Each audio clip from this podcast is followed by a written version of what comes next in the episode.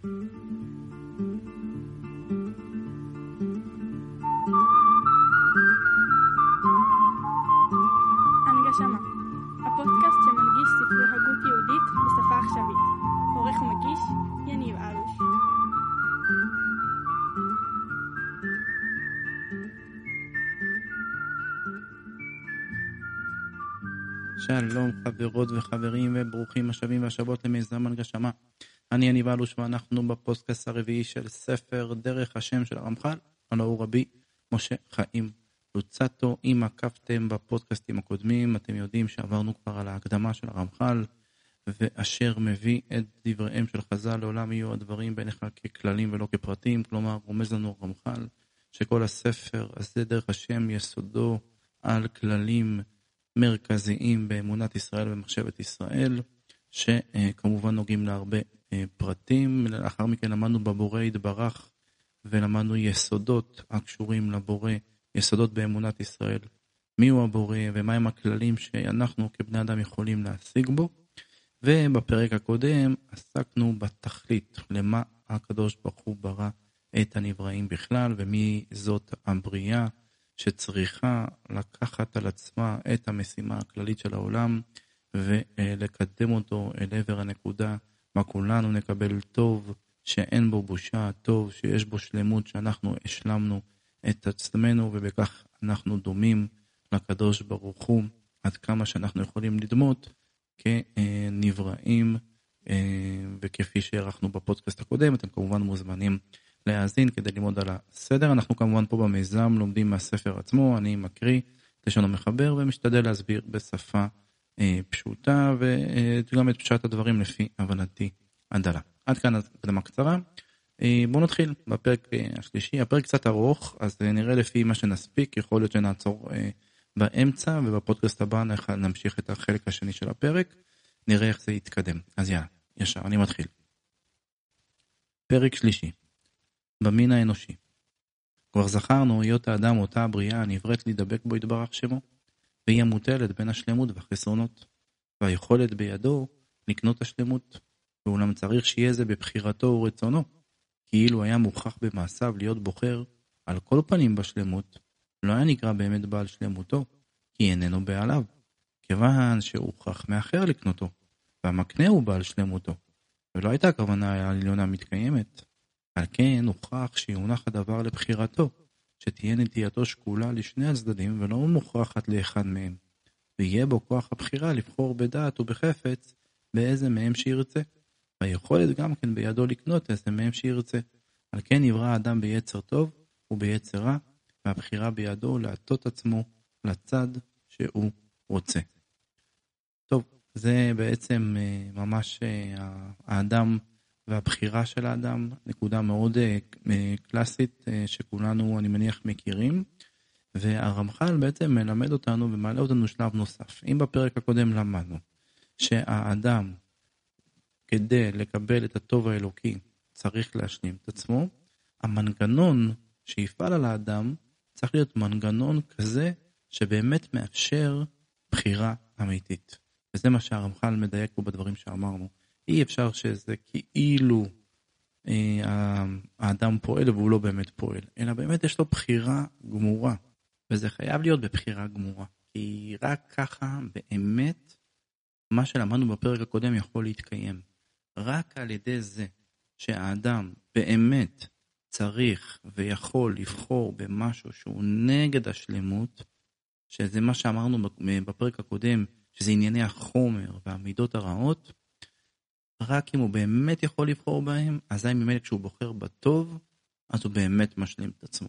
ולכן, לעניות דעתי, זה מסביר הרבה דברים רעים שקורים בעולם או שקרו במהלך ההיסטוריה.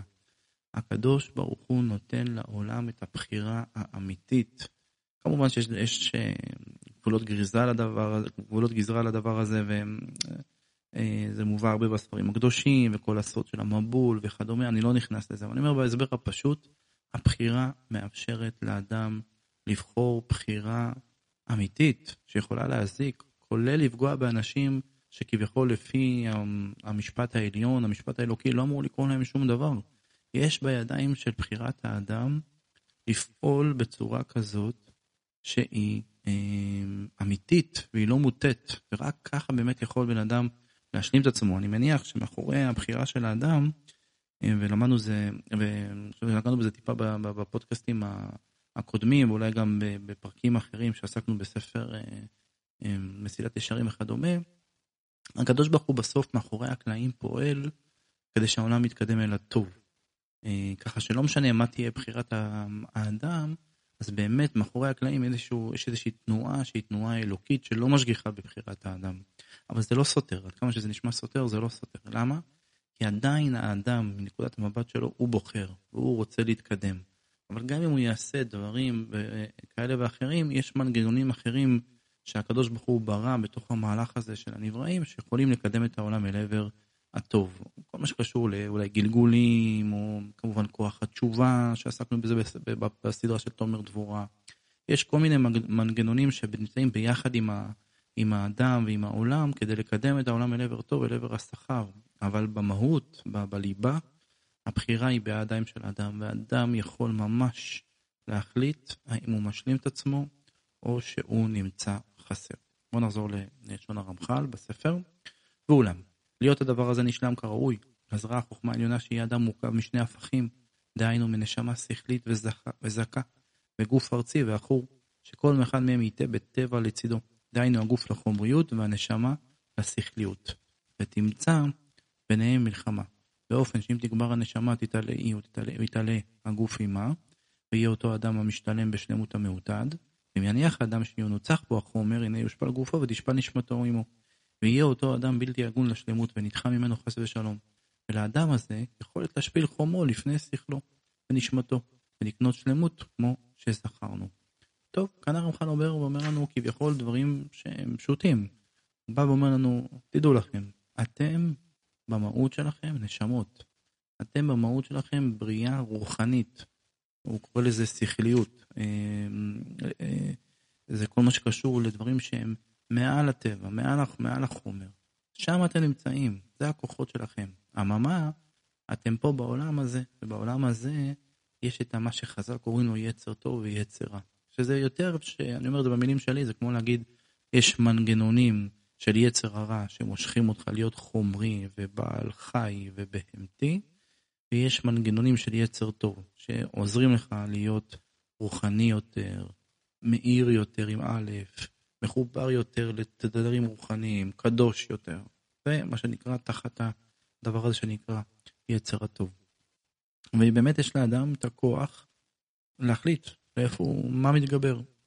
אה, למרות שהנשמה שלו היא כוח דבר חזק ואדיר, עדיין כשהיא נכנסת פה לעולם היא נכנסת חלשה, והאדם יכול לבוא ולהטעין אותה ולחזק אותה, וזה בעצם קניית השלמות שהזכרנו בפודקאסט הקודם. בואו נמשיך. ראונה, גזר טובו יתברר שמו.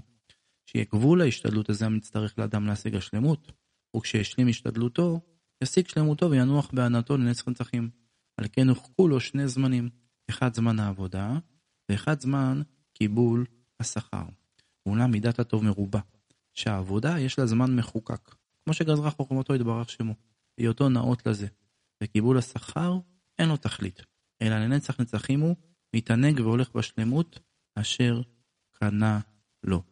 מדהים, עוד איזושהי התקדמות נוספת, אחרי שהרמח"ל מלמד אותנו שבאמת אדם יש לו אפשרות להגביר את נשמתו או להיות חלילה יותר חומרי, הוא בא ואומר לנו שהזמן הזה של להשלים את עצמך ולפעול ולהיות יותר רוחני, הוא מוגבל בזמן, זה זמן העבודה. זה בעצם הזמן שפה אדם יכול להיות בעולם הזה, וגם לעולם עצמו יש זמן קיום של בעצם התהליך הזה של קניית השלמות. אחריו יהיה את עולם השכר, זה מה שנקרא עולם הנצח. שם בעולם הזה הוא יהיה נצחי, ומה שאתה תבנה היום, זה מה שתקבל אה, כשתגיע לעולם הנצח. במסעדת ישרים למדנו שאדם מקבל לפי השכר שהוא עושה. כלומר, אתה בונה איזה סוג של דגם אתה תהיה. יש דגם א' פלוס, מה שנקרא, אני אומר את זה במילים שלי.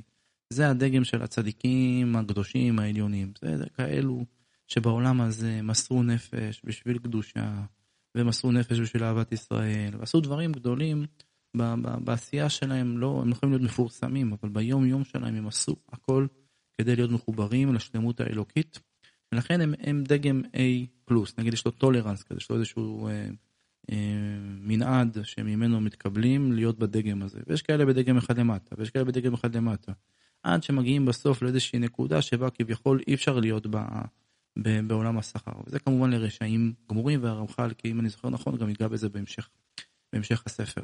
אבל מה שאני רוצה לבוא ולהגיד זה שאתה קובע איזה דגם אתה תהיה. וואנס נבחרת לדגם מסוים, זהו, אחרי 120 שנה, כן, באופן כללי אני אומר, זה הדגם שלך. ועם הדגם הזה אתה תרוץ לנצח.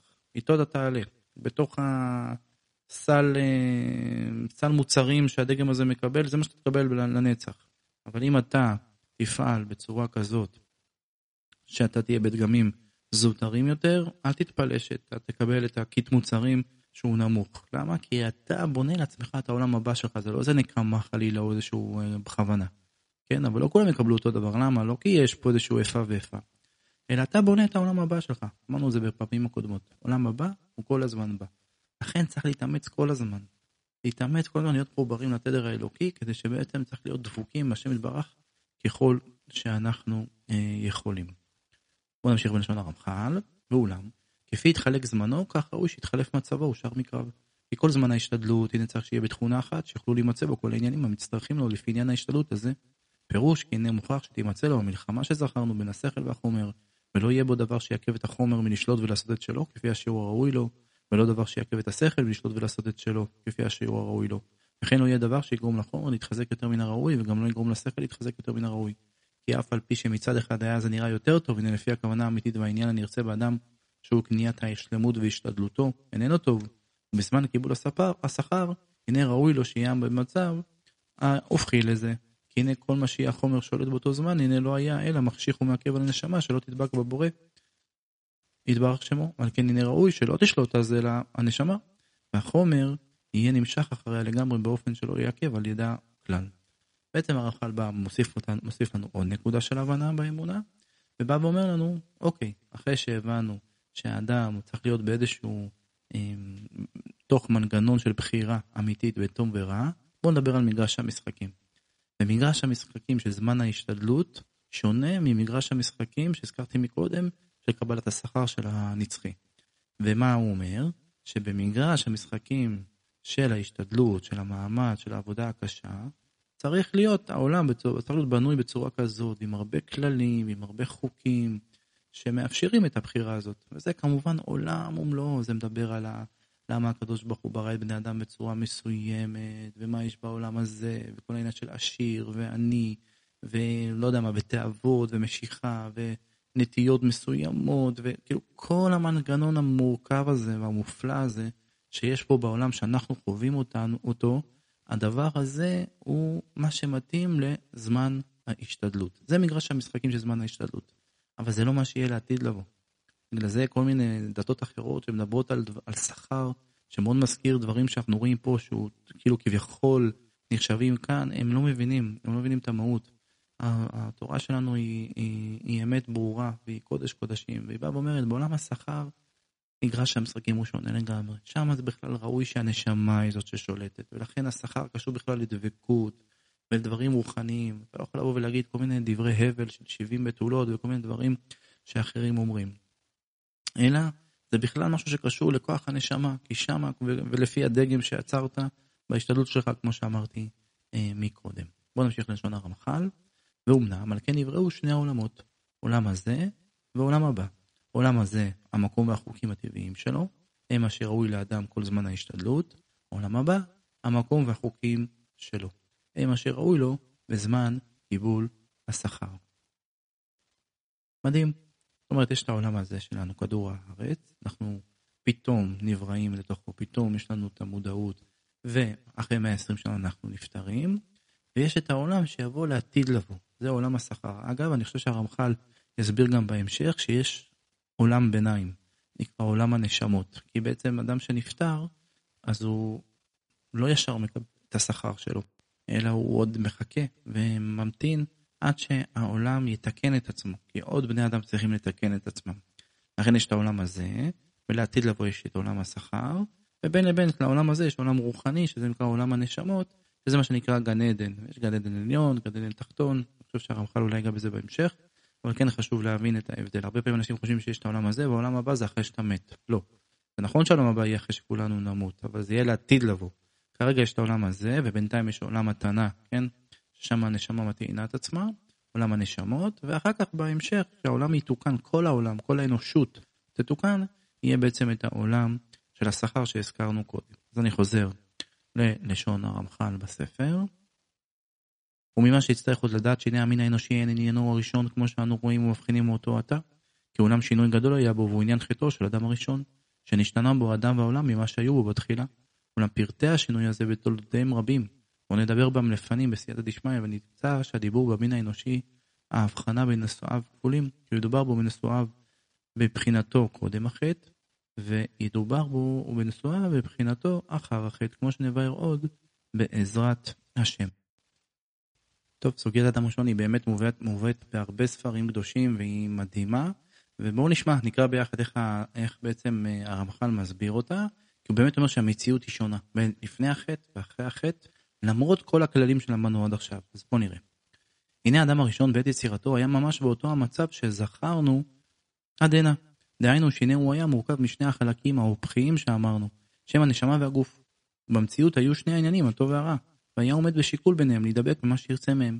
והנה היה ראוי לו שיבחר בטוב, ויגביר נשמתו על גופו ושכלו על חומו, ואז היה משתנה מיד ונח בשלמותו לנצח. וצריך שתדע, שאף על פי שאיננו מרגישים לנשמה בגוף פעולה אחרת זולת החיות וההשכלה, הנה באמת יש בחוזקה שתזכך עצם הגוף וחומו ותעלה עילוי אחר עילוי, עד שיהיה ראוי להתלוות עמה בהנאה בשלמות. אמנם לדבר הזה היה אדם ראשון מגיע אילו לא חטא. שהייתה נשמתו מזככת את גופו זיכוך אחר זיכוך עד שהיה מזדכך השיעור המצטרך ונקבע בתענוג הנצחי. יוצא רגע? כלומר בעצם אומר לנו הרמח"ל דבר מדהים.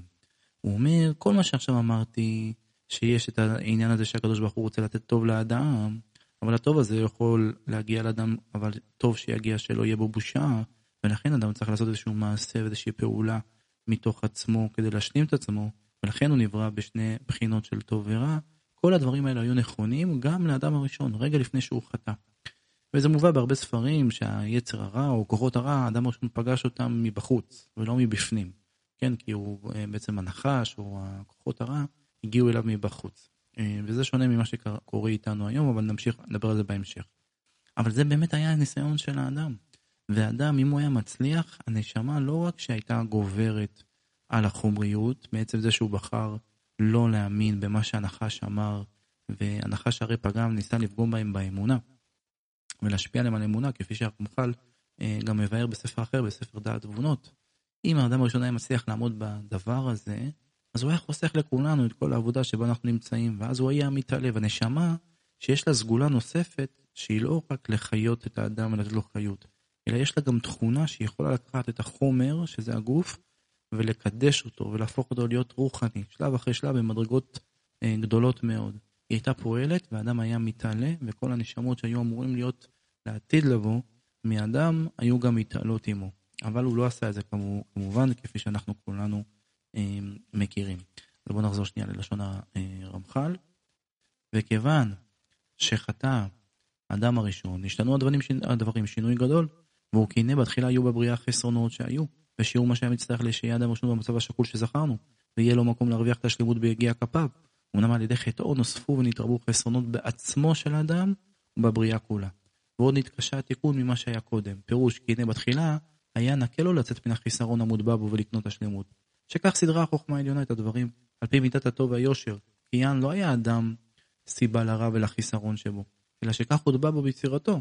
הנה במה שיסיר עצמו מן הרע ויפנה אל הטוב, ישיג מיד זאתו מן החיסרון וקנות שלמות. כלומר, אומר לנו פה הרמח"ל דבר מדהים. הוא אומר, בנקודה הזאת של הזמן, לפני כן אדם הראשון, היה עדיין, הייתה לו אפשרות, היה לו בחירה אמיתית בין טוב ורע, כמו שבאמת קרה. אבל זאת הייתה נקודה שבה באמת זה היה אמור להיות כביכול יותר קל. למה? כי הוא פגש את הרע מבחוץ. כי הוא לא עשה דברים רעים עדיין, כי הרע לא היה בתוכו. הוא לא פעל דברים רעים, הוא רק פגש אותו. אבל הוא היה צריך להאמין שאין עוד מלבדו של הקדוש ברוך הוא. הוא היה צריך להאמין שבייחודו של השם. אם הוא היה עושה את זה, הוא היה פועל את זה, וזה היה כמובן ניסיון מאוד מאוד קשה, אבל זה היה מספיק. אבל אחרי שהוא חטא, כבר הדברים מסתבכים יותר. בואו נראה למה.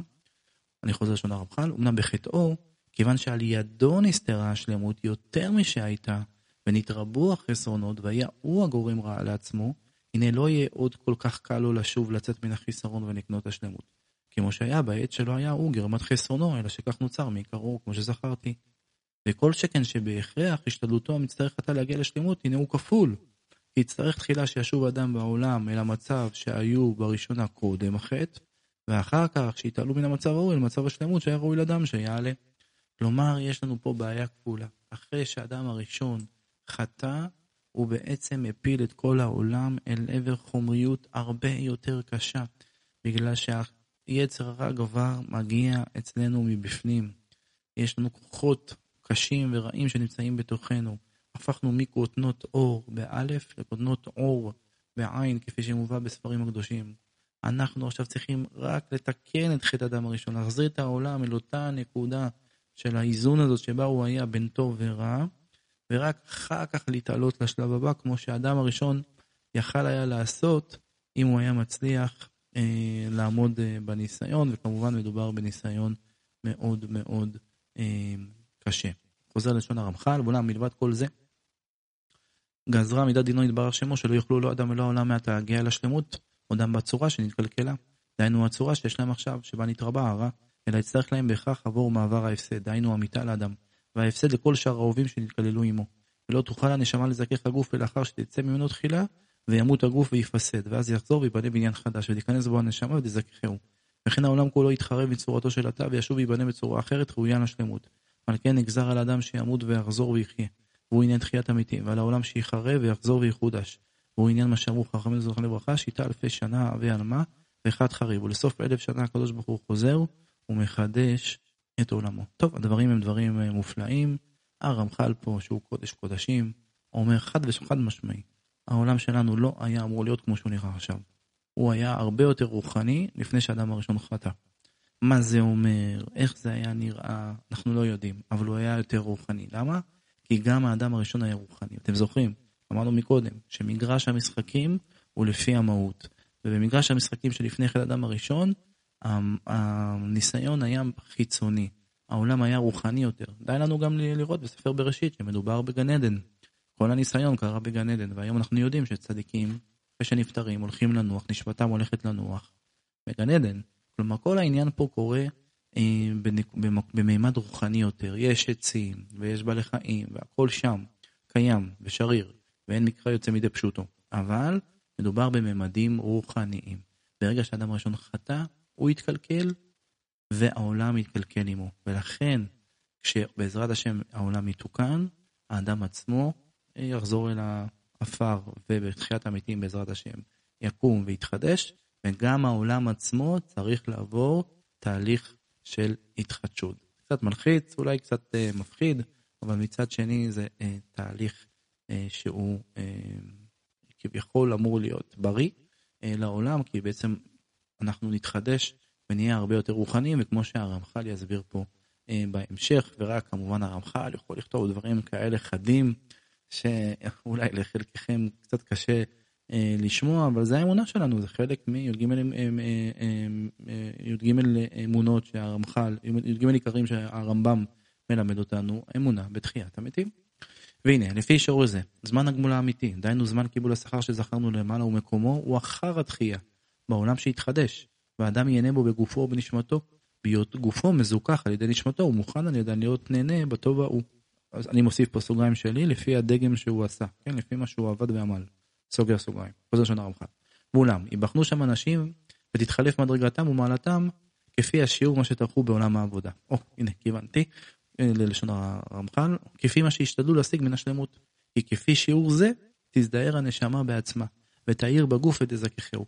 ויקנו שניהם יקר ומעלה, ויהיו ראויים להתקרב לאדון ברוך הוא ולאור באור פניו, וליהנות בטובו אמיתי. באמת, ברוך השם, זה מה שהתכוונתי להגיד. שבעצם אחרי תחיית המתים, אנחנו נחזור לגוף ונהיה הרבה יותר אה, טהורים וקדושים, אך גם אנחנו נהיה בצורה שאנחנו עשינו פה בעולם, עולם ההשתדלות. ואומנם, בהיות שנגזרה המיטה לאדם, כמו שזכרנו, ונמצא שהמורכב הזה, צריך שייפרד לזמן מה. ואחר כך ישוב להתחבר, נכון? בתחיית המתים.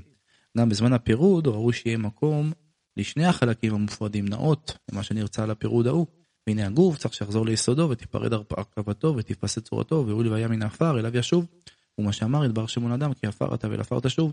אך הנשמה הזוכה במעשיה אין, הנה, אין לה אלא לצפות עד שיעשה בגוף מה שצריך לעשות, דהיינו התכה וההפסד בראשונה, ויישאר בעפר כל הזמן שצריך ויבנות מחדש, אחר כך שתשוב להיכנס בו. אמנם צריך שיהיה לה מקום בין כך ובין כך, ואולם לצורך זה הוכן עולם הנשמות. שבו תיכנסנה נשמות הזורקות אחרי צאתן מן הגוף ותשבנה שם במקום מנוחה. כל זמן להתגלגל על הגוף, הנינים הראויים להתגלגל עליו. זה מה שאמרתי מקודם, בזמן שהגוף, אחרי המוות, אחרי 120 שנה, שאדם נמצא בקבר, הגוף עובר את ההזדקרות שלו, ובינתיים הנשמה נמצאת בעולם הנשמות, שהוא עולם רוחני יותר. חוזר לשון הרמח"ל, והנה כל הזמן ההוא תשכון הנשמות ההן במעלה ובתענוג, מעין מה שיינתן להם אחר כך, בזמן הגמול האמיתי שזכרנו למעלה. גם כי גם מעלתם בעולם הנשמות, ודאי שתימדד לפי המעשים שיעשו. אולי הוא רומז פה לגדל עליון וגדל עליון תחתון. חוזר. שלפיהם יימדד גם הגמול אחר כך בזמנו. אך השלמות האמיתי המעוטד לזוכים לו, לא ישיגהו לא הגוף ולא הנשמה, אלא בהתחברם שנית אחר התחייה. זה ממש יסוד שהרמח"ל כל הזמן חוזר אליו, שבני האדם יקבלו את השכר שלהם כשהם גוף ונשמה יחד. מה שכן, לא הגוף והנשמה שאנחנו עכשיו, אלא רק מה שיהיה אחרי תחיית המתים, אבל בזמן, בזמן שהנשמה נמצאת בגן עדן, ונחה שם, כמובן שהמנוחה שלה, או מה שנקרא תדר ההתנה הרוחנית שלה, יהיה לפי מה שהשיגה בעולם הזה, לא דומה צדין גדול למי שנמצא בדרג יותר נמוך, כמו שהסברתי בתחילת הפודקאסט. ואולם, מלבד היות עולם הנשמה מקום לנשמות לשבת בו כל זמן היותם מצפות לגוף כמו שזכרנו, הנה עוד תועלת גדולה נמצאת בו לנשמות עצמן ואחריהן הגוף, למה שיצטרך אחר כך בזמן התחייה, וזה, כי אחר שהייתה הגזרה לאדם שלא יגיע לשלמות אלא אחרי המוות, אף על פי שכבר נראה לו מצד מסע עודנו חי, כי זולת זה לא היה מגיע מלא מעולם, שהרי אין זמן קניית השלמות אלא בעולם הזה טרם המוות כמו שזכרנו, עוד נמשך מן הגזרה הזאת שהנשמה כל זמן היותה בגוף בעולם הזה, שהרד דבוק בה, שאי אפשר שייפרד ממנו לגמרי, תהיה גם היא חשוכה וערומה. ואף על פי שעל ידי המעשים הטובים שאדם עושה קונה היא בעצמה שלמות ויקר, לא יוכל הדבר להיגלות, ולא תוכל להזדהר בזוהר שהיה ראוי לה להזדהר, כפי היקר ההוא שהיא משגת באמת, אלא הכל נשאר כבוש בעצמותה עד הזמן שיינתן להיגלות. אולם אין העכבה מצד הכלל, כי מצד הגוף, כמו שזכרנו, והוא עצמו מפסיד בזה שלא יקבל כל אותו הזמן הזיכוך שהראוי שיקבל, כמו שזכרנו. אמנם גם היא מפסדת שהיא כבושה בעצמה ואינה יכולה לפשט זעריה, ועוד שאינה פועלת הפעולה הראויה לה שהיא זיכוך הגוף, ואילו הייתה פועלת אותה, הייתה משתלמת בזה שלמות גדול מצד מהות הפעולה עצמה, שהרי היא פועלת שלמות, היא, שהרי פעולת שלמות היא להיות מיטיב ומשלים זולתו, ועוד שזאת תהיה פעולה הנאותה לה לפי טבעה וחוקה, שלכך נוצרה, וכל נברא משתלם כשפועל מה שחלק לו בורא יתברך, שמו שיפעל, וחסר משלמות כל זמן שלא יפעלהו. אני כבר מסביר, ואומנם בצד הנשמה מהגוף ולכתה אל עולם הנשמות, היא נשמה מתפשטת ומסדרת בזעוריה כפי מה שראוי לה, על פי מעשיה, ובמה שהיא משגת שם כל זמן שהיותה שם מתחזקת במה שנתחלשה בגוף, ומזדמנת יותר למה שראוי שתעשה בזמן התחייה שתשוב בגוף, בזמן הראוי תוכל לפעול בו הפעולה נאותה לה, והיינו הזיכוך שזכרנו. מדהים, מדהים, מדהים, מדהים. אני אומר את זה במילים שלי כמובן. מה שמלמד לנו פה הרמח"ל, נכון אמרתי מקודם, שהגוף עכשיו צריך להיות להירקב באדמה, ובינתיים מה נעשה עם הנשמה? שמנו לה מקום שבינתיים היא תטעין את עצמה בעולם הנשמות. כאן הוא לוקח אותנו שלב אחד קדימה ואומר, זה לא רק זה. הרי כל הזמן שהנשמה הייתה בו בעולם הזה, אתה עשית מצוות, עשית מעשים טובים. כשעשית את זה, הגברת אותה. אבל הקדוש ברוך הוא לא נתן לה לבוא לידי ביטוי לגמרי, אלא ממש ממש מעט. למה? כי אם הוא נותן לה ממש לעבור לגמרי, לא הייתה בחירה. כי אנשים היו רואים שאחרי שהם עושים מעשים טובים, אחרי שהם מתקרבים לבורא, הם הופכים להיות אש לוהטת, הם הופכים להיות אה, דבר קדוש ורוחני בצורה מטורפת. ואז ממילא בוודאי לא הייתה בחירה, כי כולם היו בוחרים בזה. לכן היא רוצה להוציא לפועל את מה שהיא עושה תוך כדי שהיא אה, משתלמת, אבל זה לא קורה. זה כמו בן אדם שסגור בתוך איזשהו שק וזה חונק אותו והוא כל הזמן רוצה לפעול והוא לא מצליח. לכן בגן עדן יש גם היבט נוסף, ששם בעצם היא יכולה להתפשט, היא יכולה להשפיע. כמובן שזו השפעה משנית, כי היא צריכה את הגוף, כמו שאמרנו מקודם, אבל היא מתחילה להתרגל לתנועה הזאת, לתדר הרוחני הזה שאנחנו בוודאי לא מבינים, של השפעה. אזי ממילא כשתבוא בעזרת השם תחיית המתים, היא כבר מוכנה, היא מתרגלת את התדר הזה. חוזר לשון אה, הרמח"ל, אמנם בצד הנשמה מהגוף ולכתה אל עולם הנשמות היא נשם מתפשטת ומזרת בזעוריה כפי מה שראוי לה, על פי מעשיה, ובמה שהיא משגת שם כל זמן היותה שם מתחזקת במה שנתחלשה בגוף ומזדמנת יותר למה שראוי שתעשה בזמן התחייה. עד שתשוב בגוף בזמן הראוי, תוכל לפעול בו הפעולה הנאותה לה, והיינו הזיכוך שזכרנו. טוב, זה ככה מה שקראנו מקודם. ואולם צריך שתדע, כי גם אתה בהיכנס הנשמה בגוף העובר, אף על פי שלא קנתה עדיין שלמות במעשיה, הנה מצד יוקרה וזערה עצמי, היה ראוי שתיתן זיכוך גדול לחומר עד שהיה יוצא מגדר האנושי. אמנם גזרתו, גזירתו יתברך שמו כובשת אותה ומעלמת כוחה וממתת זערה באופן שלא יימשך ממנה עניין זה. אבל תשב שם עלותה בעצמה באותו השיעור המצטרך לפי הכוונה העליונה ופועלת בגוף באותו הסדר והשיעור הנרצה מחוכמתו יתברך שמו. והנה כפי מעשיה הטובים שעושה והולכת, היה לה להתפשט ולהזדהר כמו שזכרנו, ואז היה מגיע ממנה הזיכוך לגוף. לפי הגזרה שביארנו למעלה, לא ייתכן זה אלא בהיותה בעולם הנשמות. טוב, קראתי שוב, ככה הארכתי, אבל זה בעצם מה שאמרנו מקודם, שהנשמה, ברגע שהיא התחילה לפעול ולזכך את הגוף, אם, אם הקדוש ברוך הוא לא היה עוצר אותה, היה, היינו הופכים להיות יצורים מכוכב אחר. ממש הרמח"ל אומר, עד שיהיה יוצא מגדר המין האנושי. אבל יש איזושהי גזרה שחוסמת את הנשמה מבעצם לפרוץ את גבולות הגוף, ושוב, הדבר הזה קורה למה? בשביל, בשביל הבחירה. חוזר לשון הרמח"ל, לכן בשובה בגוף אחרי התחייה, לא תתמעט ולא תתעלם, אלא תיכנס בכל זעוריה ובכל כוחה, ואז מיד תזכך את הגוף ההוא זיכור גדול, ולא יצטרך לו הגידול מעט מעט שצריך לתת לילדים, אלא מיד בשעתו תאיר בו, מיד תזככהו זיכוך גדול. נכון, אנחנו היום הילדים לאט לאט גדלים, אנחנו תינוק, פעוט, ואז ילד קטן, אחרי תחיית המתים לעולם הרוחני זה ייראה אחרת, כי ישר אנחנו מתפשטים. אמנם לא יימנע, לא זה שיהיו לגוף ולנשמה יחד עילויים אחר עילויים, אבל העניין הוא שמיד בבוא הנשמה בגוף, יהיה אדם ההוא יקר ונעלה וגופו יקבל מיד זיכוך ראשון, יתעלה בו מכל מה שהיה כל ימי חייו הראשונים, ויהיה הזיכוך ההוא כפי כל המעשים הטובים שעשה כבר, וישים אותו במדרגה שראוי לו להיות בין הזוכים, זוכים ליהנות בשלמות, ואחר כך יתעלו שני מילואים אחר עילויים, כפי מה שראוי למי שהוא במדרגה ההיא. כמו שאמרנו, כל אחד לפי המאמץ שלו. עד כאן פרק שלישי, הפודקאסט האריך, אני חשבתי שאני אעצור באמצע, לא יכלתי, הנושאים מרתקים, אני פשוט אה, אה, השתדלתי לרוץ, אה, אז יהיה קצת פודקאסט ארוך, אני מקווה שתזרמו עם זה, ונעצור כאן. תודה רבה לכם על הלימוד המשותף. אה, הדברים אה, מדהימים, צריך עוד אולי קצת ככה, אולי לשמוע עוד פעם, ואולי אפילו להסתכל בספר עצמו, אה, אבל הדברים... אה, נפלאים והספר הזה הוא דבר נפלא, אז ניפגש בפודקאסט הבא. תודה רבה, בשם השם נעשה ונצליח. הנגשמה הפודקאסט שמנגיש ספרי הגות יהודית בשפה עכשווית. עורך ומגיש יניב אלוש